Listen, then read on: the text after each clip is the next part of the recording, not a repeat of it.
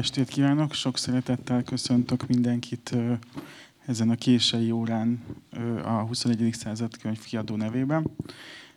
Kordos Szabolcs barátomat szeretném először arról kérdezni, hogy, hogy ugye ő, ez egy nagyon friss könyv, de ő nem egy nagyon friss szerző. Ő, hát nem csak a késői óra Köszi. miatt, hanem hányadik könyved ez? Szerintem 11. 11. könyve, és egy pár mondatot beszéljünk a, a korábbi könyveidről, illetve arról, hogy hogyan, hogyan váltál újságíróból, vagy az újságírás mellett íróvá is. Jó estét kívánok! Jó dolgom van, két íróval vagyok itt körbevéve, úgyhogy némiség, némileg kisebbségi komplexusom is kialakult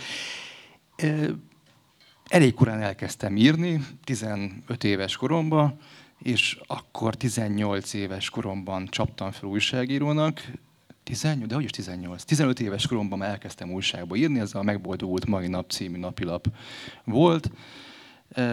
Jártam egy újságíró iskolába, a Diák Újságírók Országos Egyesületébe, és mondták, hogy egy híres emberrel kell interjút csinálnom.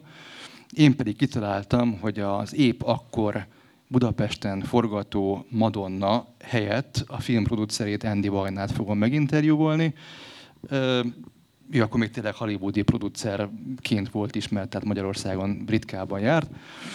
És elmentem, megcsináltam vele az interjút, kiderült, hogy másnak ez nem annyira sikerült, és akkor apám társaságába besétáltam, hát még gimnazista voltam, abból is csak második éves.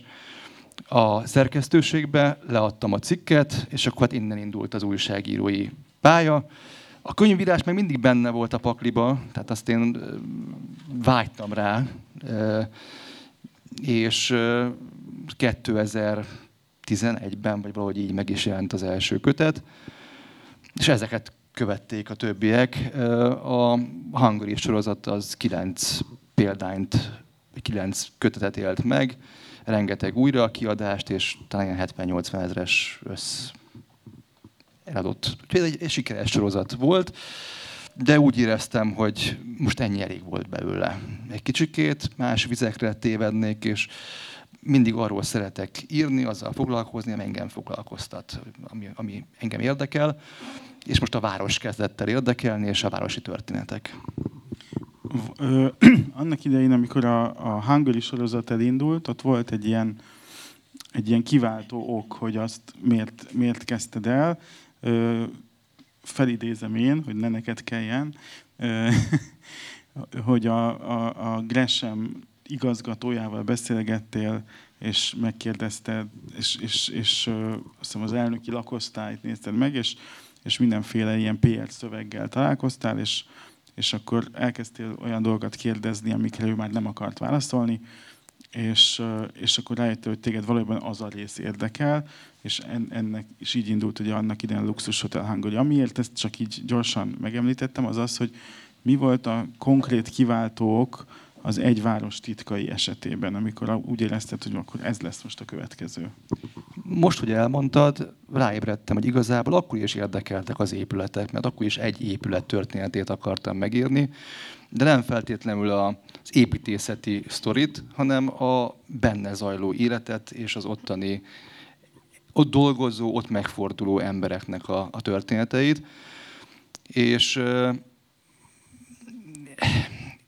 én a Poloton egyetben laktam, aztán elköltöztem onnan, és éreztem valami ürességet. Visszaköltöztem, és elkezdtem foglalkozni először a saját épületemnek a történetével, és aztán pedig még jobban körbenéztem a környező utcákban. És azt hittem, hogy az a két mesztelen nő, aki helyet foglal a kapum felett, két ledér hölgy, hogy ők valószínűleg csak az építőmérnöknek, vagy a tervezőnek a dekorációs hajlamát tükrözik, de kiderült, hogy ennél sokkal jobb sztoriról van szó. Most nem mondom el az egészet, de a lényeg az, hogy egy Freistatler Jenő lovag pasa, kicsikét ilyen címhalmozó volt az úr, az egyiket örökölte, az egyik címet, a másikat meg vette, de ez nem egészen tisztázott. Neki két ö, szenvedélye volt, a lovak, illetve a nők, és hát lófejeket nem láttam az épületen, hölgyek viszont vannak. Ő később gyermekévé fogadta, tehát örökbe fogadta a szeretőjét, aki egy színésznő volt, Jákó Amália, és neki építetett egy bérházat, egy palotát. Ebbe a házba élek én most sokat magammal, mert most egy teljesen átlagos belvárosi bérházként funkcionál. De a sztori az rettentő jó volt, és tényleg egy picikét körbenéztem, és azt láttam, hogy van tőlem 400 méter egy atombunker ami előtt én minden nap elsétálok anélkül, hogy tudnám, hogy ez egy atombunker. Ez a Magyar Rádió épület komplexumában van egyébként. Úgy néz ki, mint egy szerver szoba, hát nem az, az egy rákosi érabeli atombunker. Egy picikével tovább mentem, ott majd a Tihi eh, család történetét egy picit jobban megismerjük, illetve a Rákóczi úton a Titanic orvosának unokája, és az ő lakásuk is ott volt tőlem két házni a Jókai Mór erkéje, tehát hogy rájöttem, hogy iszonyatosan sok lehetőség és téma van ebbe, és akkor úgy beszippantott magával az a örvény, és hát kicsit ilyen függőséget okoz.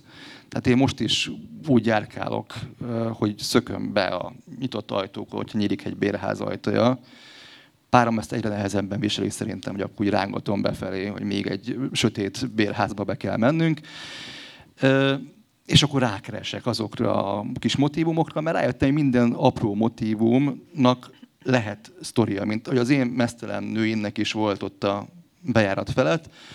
Így, hogyha majd lesz szó, jól nem lesz szó, mondjuk Taufer Vilmos palotája, hogy nem véletlenül vannak. Lehet szó. hát, hogy vannak apró jelek mindenhol, amik adott esetben 100-150 éves titkokat fednek fel, és az ember Budapesten úgy jár kell, hogy ismeri, mit kell keresni, akkor, mint hogy egy hieroglifa szakértő lenne, úgy tudja kigobozni ezeket a, a rejtélyeket. Van nekünk egy ilyen bevált, bevált gyakorlatunk, ilyen felolvasós könyvbemutatókról, hogy azt szoktuk csinálni, hogy az elején valamilyen szomorúbb történetet és a végén vidámabbat, hogy amikor a kedves közönség megy haza, akkor ne akarja felvágni az ereit. De most ezért szomorúbb dologgal kezdjük, rögtön a Titanic katasztrófájával, és ennek a magyarországi vagy budapesti leágazásáról. Petra, köszönöm. A Titanic magyar orvosának lakása. Egy csendes 20. századi hős élete. Mi köze a Titanic tragédiájának a nyolcadik kerülethez? Nagyon is sok. A Rákóczi út 11-es számú bérházában élte le utolsó éveit, és itt is hunyt el álmában dr. Lengyel Árpád, a hajókatasztrófa magyar hőse, aki soha nem tudta feldolgozni az 1912. április 15 és 18 között történteket. Az orvos unokájával, a magyar-francia szakos tanár Völgyi Péterné, dr. Reich Mártával beszélgettem a Titanic, a családja és a Parota negyed kapcsolatáról. Dr. Lengyel Árpád 1912-ben fülorgégész szakorvos és kalandvágyó legényember volt, amikor megpályázta a Cunard Line hajótársaság állásajánlatát. A társaság angolul jól beszélő magyar orvost keresett Kárpátia nevű hajójára. A fiatalember elnyelte az állást, és március 9-én hajózott ki Fiuméből New York felé. Az első hajóútja egyben az utolsó is lett. A Kárpátia európai kivándorlókat, köztük 400 magyar szállított New Yorkba, és már visszafelé tartott 1100 emberrel a fedélzetén, amikor egy tisztársa április 15-én azzal a hírrel ébresztette lengyel doktort, hogy nagy a baj, süllyed a Titanic. Három orvos volt ekkor a Kárpátia fedélzetén, ám mindössze egyiküknek volt közülük több éves mentős tapasztalata, így pontosan tudta, hogyan kell elsősegélyben részesíteni a sérülteket. Ez az ember lengyel Árpád volt. Míg az orvos előkészítette a felszereléseit, a hajó a tragédia helyszínéhez közelített. Harry Rastron kapitány parancsára a magyar doktor várta a mentőcsónakokból felhúzott túlélőket, 705 embert, és pillanatok alatt döntött az elhelyezésükről, kezelésükről. A nagy hideg dacára egyetlen meghűlés sem rögzítettek, de volt 42 csontöréses eset, és mindegyik kimentett ember kivétel nélkül sokkos állapotban volt, meséli Völgyi Márta. Pokol ilyen hosszúnak tűnt az a három és fél nap, mire a Kárpátia befutott New York kikötőjébe. A doktor alig pár órát aludt ez idő alatt, kabinját átengedte a túlélőknek, ő maga pedig folyamatosan azért küzdött, hogy mind mentálisan, mind fizikailag tűrhető állapotban adját őket az amerikai kórházaknak. Erre így emlékezett a családjának írt levelében. Könnyekre fakasztott mindenkit a menekültek jajgatása. Ki a gyermekeit, ki a szüleit, ki pedig az élete párját kereste. Mindannyian sokkos állapotban voltak. Sokan csak órák múltán találták meg hozzátartozójukat, legtöbben azonban azok eltűnése felett keseregtek. Különösen vigasztalhatatlan volt három fiatal asszonyka, akik nászúton lévén férjüket veszítették el. Ezek között volt egy feltűnően szép francia hölgy, aki valahányszor engem meglátott, ismét jajgatásban tört ki, mert mint másoktól hallottam, alakom emlékeztette őt mindössze 19 éves hullámsírba veszett férjére. Az orvost annyira megrázták a történtek, hogy a Kárpátia visszatérése után felmondta hajóorvosi állását, és soha többé nem lépett egy hajó fedélzetére sem. Nagyapám a Palota negyedben élt, sokáig a Baros utca négyben lakott, itt született az édesanyám, majd 1933-ban kapott egy levelet, hogy évi 2800 aranypengőért kibérelheti a Rákóczi út 11-es számú épület első emelet első számú lakását, egy évvel később pedig be is költöztek ide. Az épület 1901-ben épült, és a második emeletig kókuszszőnyek fette a lépcsőket. Meséli Völgyi Márta. Ha az épülettel szemben állunk, az első emelet bal szélén látható ablakok tartoztak a lengyel lakáshoz, egészen az erkéig, mert az már a rendelőjé volt. Az öt szobából háromban a nagyszüleim és édesanyám lakott, kettő pedig nagyapám rendelőjéhez tartozott, ott fogadta a betegeket. Lengyel Árpádnak munkával teli küzdelmes élet jutott. Az első világháborúban katonaorvosként ápolta a fronton megsebesült katonákat. Leszerelése után fülorgégész főorvosként és üzemorvosként is dolgozott, magánpraxist folytatott, és 1905-től haláláig mentőtisztként is részt vett a betegek ápolásában. Unokája szerint a túlzásba vitt munka és a feldolgozatlan traumák is hozzájárultak ahhoz, hogy Lengyel Árpád 1940-ben fájdalmasan fiatalon, 54 évesen a Rákóczi út 11-es számú épület falai között örökre lehúnyta a szemét. Egy szeptemberi reggelen nem ébredt fel, álmában érte a halál. Soha nem beszélt élete két nagy tragédiájáról, de a Titanic katasztrófája és kisfia elvesztése mázsás teherként nehezedett a lelkére. Egyedül a munkában talált megnyugvást. Kisfia 7 évesen torokgyíkban halt meg, mondja Völgyi Márta. Lengyel Árpád nem érte meg a következő évek borzalmait. A családot először kitelepítették lakásukból, majd 1944. novemberében egy razia során elhurcolták az özvegyét, aki csak kenyérért merészkedett ki az utcára. Sorsa máig ismeretlen, minden bizonyal meggyilkolták.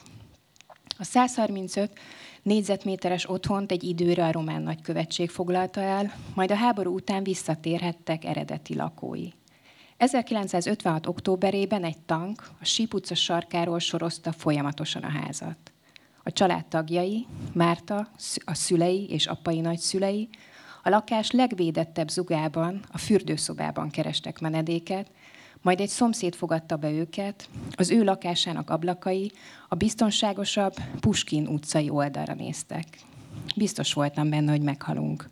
Emlékezett vissza a gyerekkori traumára. 17 évesen ismertem meg nagyapám Titanikkal kapcsolatos történetét. 26 évig éltem abban a lakásban, amelyben az ő, ő az utolsó éveit töltötte, édesanyám pedig 1934-től egészen 1995-ig élt itt. 2015-ben felavatták nagyapám emléktábláját a ház kapuja mellett, és ekkor egy rövid időre belátogathattunk a régi lakásba, ahol felidézhettem gyerekkorom családi emlékeit mondja Völgyi Márta, akinek élete összefonódik a Rákóczi úti ház történetével. Köszönjük szépen. Köszönjük. Ugye ennek a könyvnek van egy alcíme, nevezetesen az, hogy Budapesti legendák, legendás budapestiek.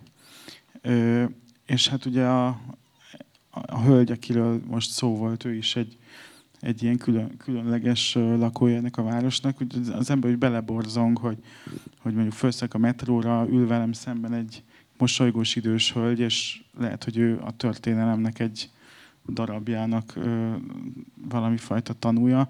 És, ö, és hát ugye nem, nem egyedül van ő ezzel ebben a könyvben. Mondj még ilyeneket.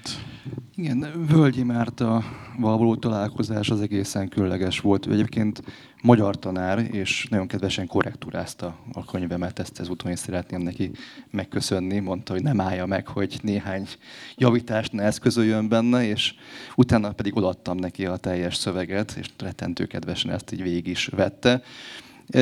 Meglátogattuk őt, és így kapta elő ugye a Titanikkal kapcsolatos régi felvételeket, a, a dokumentációkat, úgyhogy azokat a kezembe foghattam, mert egészen különleges élmény volt. Mindenhol igyekeztem megtalálni azokat, akiknek most van közük, vagy valamilyen módon leszármazottai a történet szereplőinek. Például Weiss Manfred dédunokájával is beszéltem. Ő Amerikában él, mert hogy amerikai, és vele Skype-on sikerült beszélni. Voltunk az Anker palotájának kupolájában, ugye ez a Deák téren az a hatalmas nagy, egyesek szerint csúnya, mások szerint vonzó, én inkább hozzájuk tartozom, épület, és annak a kupolájában van egy lakás a maga 18 ö, méteres belmagasságával, hát most azért lehetnek ott fűtés problémák, amiben egy kis család él, de mindenhol, ahol lehetett, szakértőkkel is beszéltem. Az egyik az a saját tulajdon édesapám volt, aki paleontológus, és hát régóta mondogatta nekem, hogy a déli pályaudvar falában vannak őslények, ezt úgy nyugtáztam. Végül is dinoszauruszok között és ősmajmok között töltöttem a gyerekkoromat, tehát nem ilyen, volt annyira meglepő. vagy? Nem, apám őselatai voltak ennyire idősek, hogy kinyitottam a fiókot, és akkor ott egy 250, éves, 250 millió éves valami nézett velem szembe.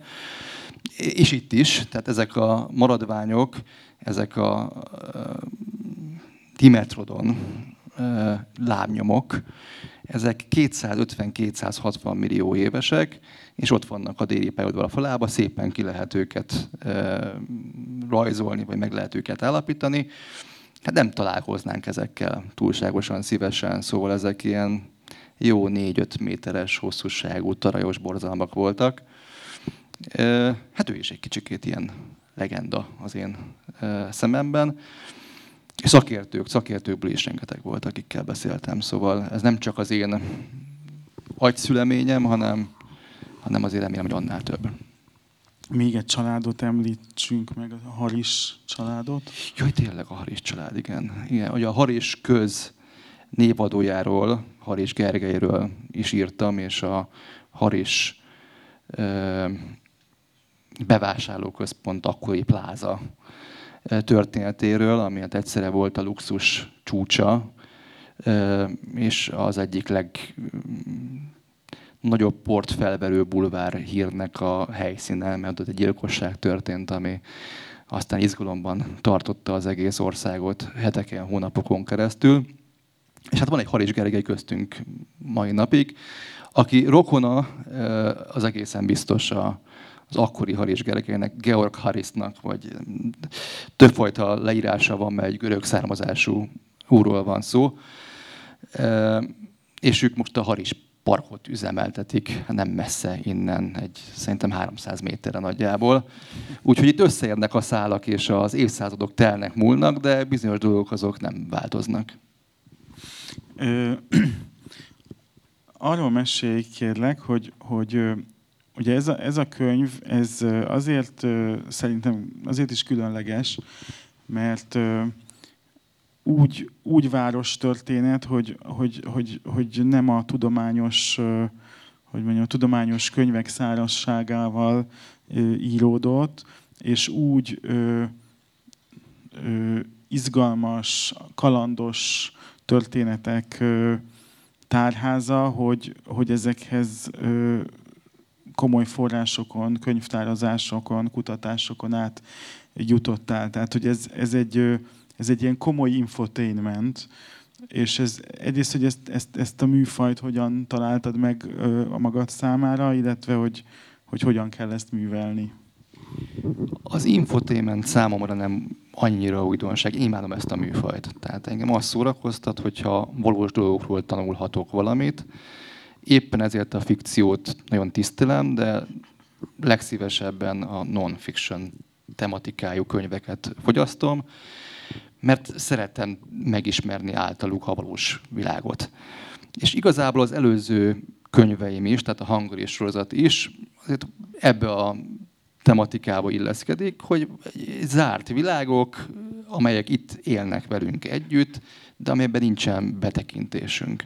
És azoknak a művelőit fogadtam ki, legyenek azok taxisofőrök, luxushotel dolgozók, fine dining éttermeknek a séfjei és pincérei, ügyvezetői. Most egy teljes várossal kellett megtennem ugyanezt, és fontos szempont volt az is, hogy ez ne egy építészeti könyv legyen, már csak azért is, mert hogy én, nekem semmi közöm az építészethez, hanem egy olyan szórakoztató könyv, ami rávilágít arra, hogy milyen izgalmak mellett megyünk el nap mint nap. Például, mint mondtam, hogy a Palotonegyed környékén lakom, mert van, eh, és van a Blahalújza tér és a keleti pályaudvar között a Rákóczi úton, egy félúton nagyjából, egy üres telek ahol csak egy ilyen vasbeton torzó égtelenkedik most már évek óta. Ez egyetlen üres telek az egész Rákóczi úton, minden más, hát nyilván 5-6 emeletes épületekkel van tömve. Az egy kivégző hely volt, és borzasztó távol áll tőlem mindenfajta ilyen spirituális gondolkodásmód, de az tény, hogy az a telek az, mint hogy ellen áthozva. Ott soha semmi nem maradt meg. Bármit oda építettek, abból előbb-utóbb katasztrófa lett. És van egy ilyen szomorú története, hogy ott, hát nem is több száz, de hogy több tucat embert küldtek halálba, az egészen biztos.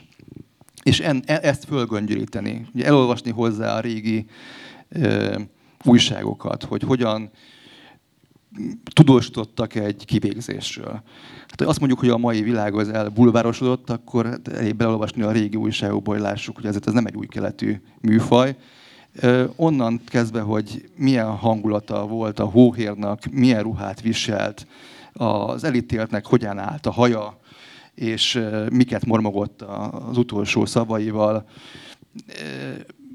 voltak VIP vendégek, tehát jegyeket lehetett vásárolni a kivégzésekre, bármilyen bizarr is ez amikért a legnagyobb családok tagjai versengtek, hogy ott lehessenek, mert ez egy társasági esemény is volt.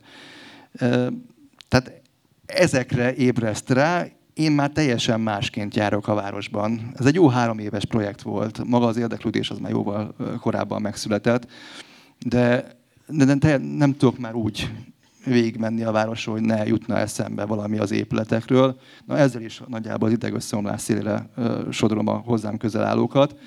Időként mondják, hogy jó, nem vagy idegenvezető, tehát most már menjünk végig a villamoson anélkül, hogy elmondaná valamilyen sztorit. De én ezeket a sztorikat szerettem, és szerintem az olvasók is, akik úgy érzik, hogy nem feltétlenül az urbanisztika szerelmesei, azok is megtalálják benne, akik meg az urbanisztika szerelmes, azok meg végképp nem is ez az én reményem. Mielőtt esetleg a kedves érdeklődők közönség azt gondolná, hogy csak a Paloton egyetben történik minden, azért, azért említsünk meg például a törlei gyárat. Mindenhova elnéztem, ahova csak lehetett, tehát a történetek egy része az a várban játszódik, például az Úri utcában van egy nagyon kis decens épület, amiről hát senki nem mondaná meg, hogy bármifajta fontos történt benne. Hát benne nem is, de alatta egy ilyen panelház mélységben igen, mert ott volt a Nemzeti Bank bunkere, és a, a aranykincs nagy része ott vészelte át a, a világháborút. Az alagútban is megfordultam egy kisebb gázmérgezést szenvedve, találkoztam az emberrel, aki az alagútban nőtt fel, és köszönjük szépen, jól van továbbra, és ő ugye a hídmester, aki ott töltötte egy erkélyes lakásban a, a gyermekkorát. De voltunk Budafokon a törlei pincészetben, aminek meg az a különlegessége, hogy Törlei úr felépítette egy középkori kastélyt a munkahelye mögött, de mellette a felesége is felépített egyet. Tehát, hogyha akarták, akkor két kastélyból nézték egymást. Mind a kettő egyébként szenzációs látmány, és szerintem viszonylag kevesen ö, csodáljuk meg mi budapestiek. Az egy másik kérdés, hogy most bemenni azért nem nagyon lehet, de kívülről azért meg lehet tekinteni. És a legöregebb fa az egy külön téma, de találkoztam illegális street artossal is, aki az én kedvencem, és ez nagyon nagy öröm volt számomra, mert én mindig a Király utcában sétálva, ami szintén nem a Plotanyelt, mindig néztem az ő alkotásait, teljesen hatásuk alá kerültem, és akkor megkeresésemre válaszolt, úgyhogy leültünk, én már tudom, hogy ki ő, de ezt nem vethetem fel. Ő a kacsamesékes? Ő, igen, igen, ez egy szép nagy kép. A...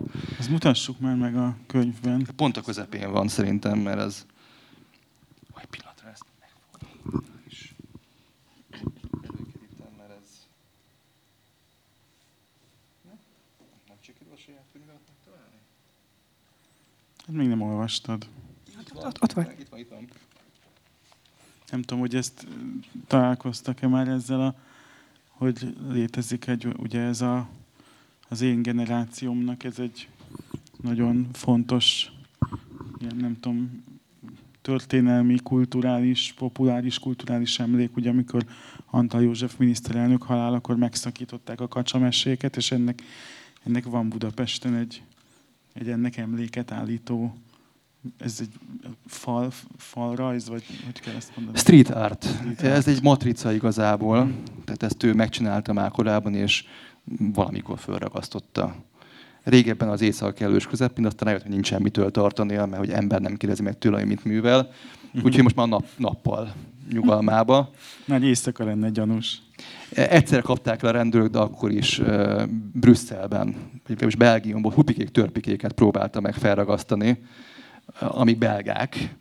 És akkor a Yard megjelent, és kérdezték, hogy mit csinál, és olyan zavaros történetet adott elő a hupikék, törpikékről, hogy elengedték, mondták, ez, ez nem lehet normális, akit ezzel próbálkozik.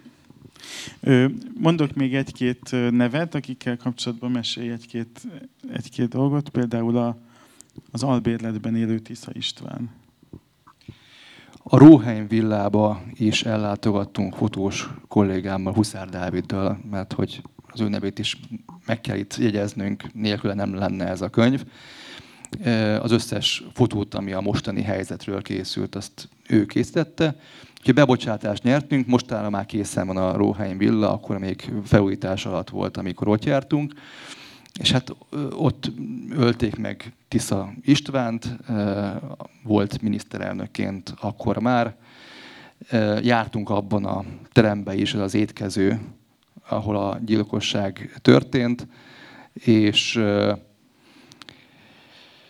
érdekes volt abba a korba elmerülni, abba a kicsikét kaotikus időszakban, amikor ez a gyilkosság történt, és talán ennek is a részleteit kevesen ismerik, hogy pontosan hogyan történt. Ez az volt a rettentő furcsa, hogy gyakorlatilag semmifajta védelem nem övezte a Kortisza Istvánt. Gyalog vagy villamossal járt be a belvárosba, és maga tépegette le azokat a posztereket vagy plakátokat, amelyek a, őt gyalázták. Legalábbis ezt mesélte nekem az a történész, akivel megbeszéltem a, a villában történteket. Magának a Róheim villának is igen izgalmas sztoria van, és ho- horoszkóp különböző csill- a csillagjegyek vannak egyébként a, a, a plafonon, ez a díszítés, és egy kicsikét egy ilyen mór zsinagóga belső jelleget adtak neki. Hát ezek a csillagjegyek nem álltak jól Tisza István számára, amikor ugye történt a, a merénylet. Gábor Zsazsa mamája. Nagy arc volt, hatalmas nagy. Neki egy rettent jól menő butikja volt a Kígyó utcában, abban a házban, ahol egyébként a valaha élt legkorruptabb rendőr, főnök, pesti, budapesti. Legalábbis akik már, azok közül, akik már lebuktak. igen, igen, igen, igen. Szóval ugyanabban a házban, csak a rendőrfőnök feljebb lakott kettővel, a kis butik pedig a földszinten volt. Nagyon jól ment, nagyon jó minőségű ékszereket árultak, és a marketinghez is kiválóan értett. Ő már az influencer stratégiát régességen föltalálta akkor, amikor itt elkezdtek Instagramokkal szórakozni a utókor, mert mindig az épp aktuális Miss Hungary-t hívta be, bizsúzta föl, fotóztatta le, és az benne volt az akkori Story magazinban. Színházi világ. Színházi élet. Színházi élet, köszönöm szépen, te ebben nagyon otthon vagy. És hát a mai napig ennek is föllelhetők a nyomai, hogyha az ember ott van. Ez, a kollégákkal, akikkel csináltuk a könyvet, egy ilyen három órán keresztül szemeztünk a fotóval, hogy vajon melyik lehetett az a bejárat, amelyik hozzátartozott. Szerintünk a baloldali. És akkor beszéljünk még, egy, még ugye említette Taufer Vilmost, szintén tragikus sorsú orvost, aki tulajdonképpen azt hiszem, hogy, hogy, hogy a, ennek a könyvnek az egyik fontos, talán, talán a legfontosabb, nem tudom, találmánya, vagy nem, nem jó szó ez, de hogy, hogy a Szabolcs ráakadt egy, egy történetre, amiről ő is azt gondolja, és mi is azt gondoljuk, hogy sokkal többre érdemes, mint, mint, mint, mint a, amilyen állapotban ez, ez jelenleg van, és a, akiről szól, annak az emléke is sokkal többet ér, de erről inkább te beszélj, mint én.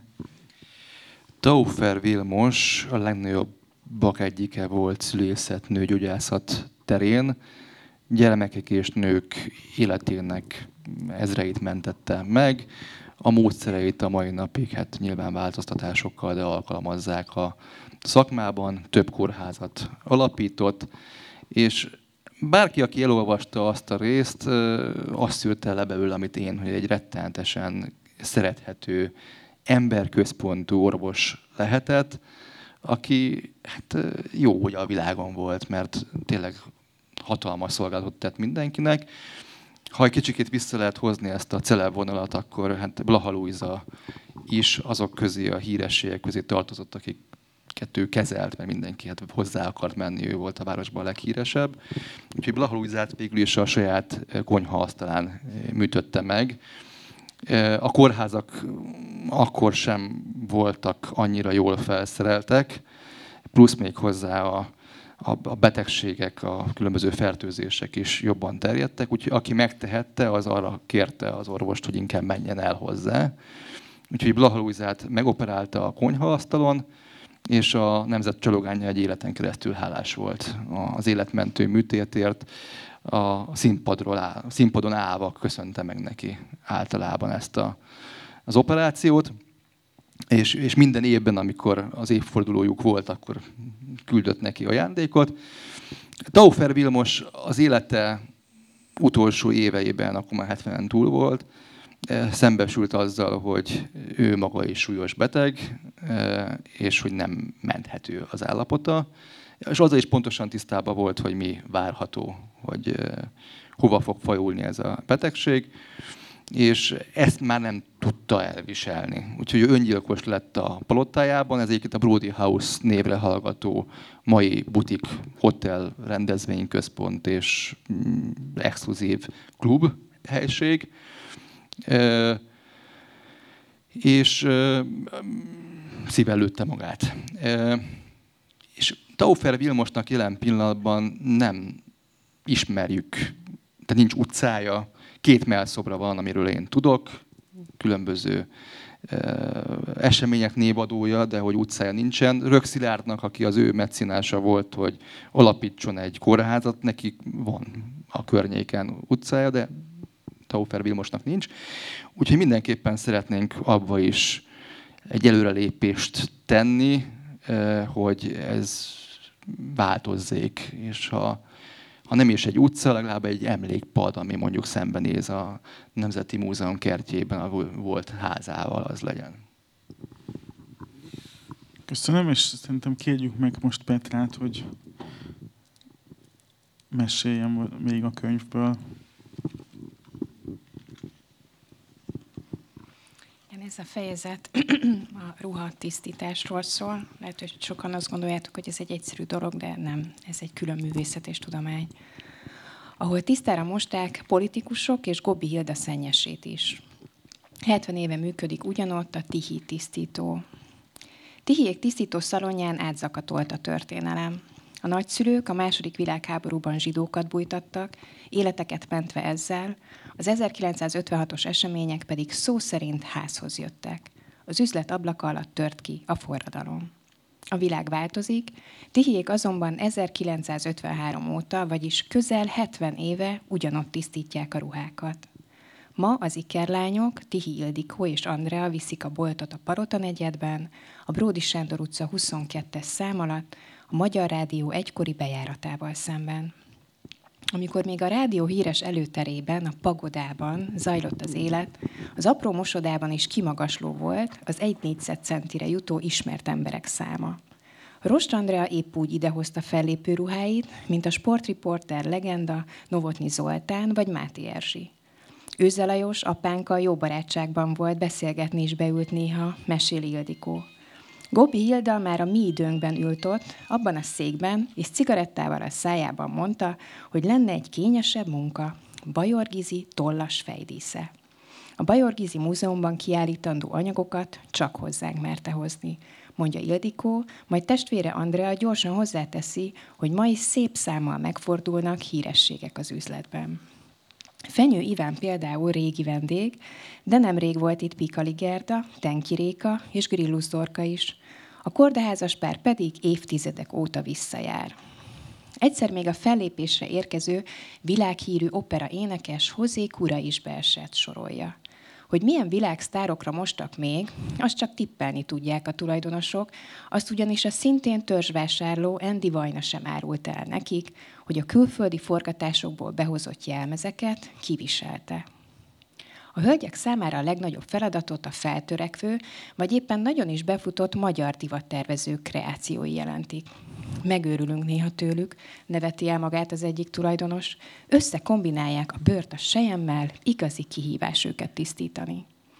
A hírességek szennyesén kívül a politikusokét is évtizedek óta mossák tisztességgel a Bródi Sándor utcában, Méghozzá világnézeti különbségtétel nélkül, mert a folt az folt, bárkinek a ruháján essen is. A sort Kádár János nyitotta, majd Antal József óta minden demokratikus kormány miniszterének, sőt miniszterelnökének a ruhadarabja járt már Tihiék mosógépében. Tényleg mindenkié. Ildikó és Andrea szakértelme túlmutat azon, hogy az élő hírességek és hatalmasságok ruháit tisztítsák, ők a halott ikonok ruháival is megbirkóznak. A közel száz év tapasztalata miatt a szomszédos Nemzeti Múzeumból és más kiállítóhelyekről is idehozzák tisztítatni a fontos darabokat. Battyányi Lajos 200 éves felöltőjét ugyanúgy a tihi ikrek mosták, mint Sziszi gödöllői függönyeit, vagy Bajor Gizi szemfedőjét. Sziszi lovagló ruhája most is itt van nálunk. Igaz, ez csak utánzat, de a Rothschild Klára kiállítás szinte összes darabját mi tisztítottuk, a saját esküvői ruhájától az általa tervezett példányokig, mondja Andrea. Valószínűleg nincs még egy tisztítószaron az országban, amely ilyen hosszú időn keresztül egy család tulajdonában lett volna. Ildikó és Andrea nagymamája 1930-ban a Vármegye utcában nyitott üzletet. Itt bújtatták a háború alatt a zsidókat, ami miatt a nagyszülők a Jedvesem intézet világigazadíját is megkapták. A tisztítót a háború után államosították, azonban Tihiék nem adták fel, és 1953-ban a Bródi Sándor utcában újra kinyitottak. Azóta is itt vannak. Imádjuk ezt a környéket. Jókai, Petőfi, Tisza Kálmán járkált korábban ezekben az utcákban. Itt a Nemzeti Múzeum, szembe működött a Magyar Rádió. Itt a Bródiban mindig zajlott az élet. Ráadásul itt nőttünk fel, két sarokkal arrébb, a Trefordba jártunk iskolába, aztán mindig átnéztünk az üzletbe. Három évvel az új üzlet felavatása után a bolt ajtajától néhány méterre dördült el a forradalom első lövése. Édesapánk Dezső a forradalom első óráiban is nyitva tartotta a boltot, rengetegen szorongtak itt a golyók elől fedezéket keresve. Később lehúzta a redőnyt, de akkor az ávósok betörtek, hogy civil ruhákat szerezzenek, és azokban vegyüljenek el a tömegben, meséli Ildikó. Az ikerpár nem akart ruhatisztítással foglalkozni, de 18 éves korukban váratlanul meghalt az apjuk, így nem volt más választásuk, át kellett venni az üzletet. Elvégeztük a vegyészeti technikumot, de itt felnőve az alapokat természetesen már ismertük, azóta pedig folyamatosan tanulunk. Nézze, ez egy 3000 eurós Valentino kabát. Nem lehet akárhogy tisztítani, mint ahogyan azt a Zegna öltöny sem, amelynek jóval millió forint felett van az értéke. Mi pontosan tudjuk, hogyan kell ezekkel bánni. Nem is adjuk ki a titkokat, pedig sokan kérdezik, hogyan sikerült eltüntetnünk egy foltot. Milyenkor csak azt mondjuk, hogy varázslat, magyarázza Andrea. A világ változik ugyan, ám a folyamatosan pittyegő kapucsengő azt jelzi, hogy van jövőjük a tisztítószalonoknak. Hiába kerül annyiba minőségi tisztítás, mint egy olcsóbb ruhadarab valamelyik fast fashion üzletben, az ikerpár szerint az igényesség soha nem megy ki a divatból. Kevés pénzből is jól lehet öltözködni. Vannak ügyfeleink, akik a használt ruhaboltokban veszik meg a márkás darabokat, majd féltve őrzik, ápolják őket. Mások csak kevés darabot vásárolnak, de ügyelnek rá, hogy azok sokáig szépek maradjanak. Vannak holmik, amiket egyszerűen nem lehet otthon mosni, tisztítani, mert tönkre mennek, magyarázzák a hölgyek. A 70 éve ugyanazon a helyen működő tisztító tulajdonosai szeretnék, ha gyerekeik egyszer átvennék tőlük a stafétabotot. Hogy az alapítók dédunokái tovább viszik-e a céget, az még kérdés. Mind a négy gyerek, három fiú és egy lány egyetemet végzett, és Ildikóik pontosan tudják, hogy négy évtized a pult mögött, vasalóval a, vasalóval a kézben nem a legkönnyebb megélhetés. Amikor nekünk néha el kell mennünk egy kis időre, akkor tökéletesen helyettesítenek bennünket. Hiába. Ők is az anyatejjel szívták magukba ezt a szakmát. Köszönjük szépen. Azt hiszem, azért Budapest elég különleges hely, ahol megtörténhet az emberrel, hogy bemegy a tisztítóba, ahol azt mondják, hogy csak szerdára tudom vállalni a téli kabátját, mert Battyányi Lajosra kell előbb még mosnom. De hát azt hiszem, hogy, hogy, hogy ezért is nagyon izgalmas és nagyon, nagyon tartalmas ez a könyv, hogy Szabolcs összegyűjtött bele sok, sok ilyen és hasonló történetet, és, és azt hiszem, hogy ha ez a könyv sikeres lesz, mivel ugye ő nem áll le a nyomozásaival, akkor talán, talán ennek lehet majd folytatása is. Hadd kérdezzem meg, hogy esetleg szeretne valaki kérdezni. Nem, nem kötelező természetesen, csak ha, ha gondolják. Igen, oda-vissza a mikrofont, jó? Hogy volt-e valami, ami nem került bele végül, de úgy gondoltad, hogy beletetted volna? Amikor meghúztam a listát, vagy összeírtam először a listát, akkor 280 hely került fel. És akkor ezt kellett leszűkíteni, úgyhogy rettentő sok minden kimaradt. Változó okból. Volt, aminek, ami hasonló volt, mint egy másik történet volt, ahol túl sok volt a legenda és kevés a tényadat, és ezt nem akartam belevenni. Volt, ami túlságosan a proteinethez kötődik, és nem akartam már ugyanazon a környéken többet. Úgyhogy volt sok, ami kimaradt, és ezek majd remélhetőleg a második, harmadik és a 26. részbe fognak majd bevándorolni előbb-utóbb, mert szóval csak a környékemen 90 helyet azonosítottam, amiről érdemes lenne írni. Ez egy hat utcán belül. Még valakinek esetleg van kérdése? Jó, akkor nagyon szépen köszönjük, hogy itt voltak most velünk, és Szabolcs kívül oda, ahol ki kell ülnie. Én hoztam neki egy tollat. Köszönöm szépen. Ö, oda is adom. És ha valaki esetleg szeretne vele dedikáltatni, nem akkor többet. ő ezt nem fogja megakadályozni, sőt, Köszönjük szépen a figyelmet! Köszönjük szépen.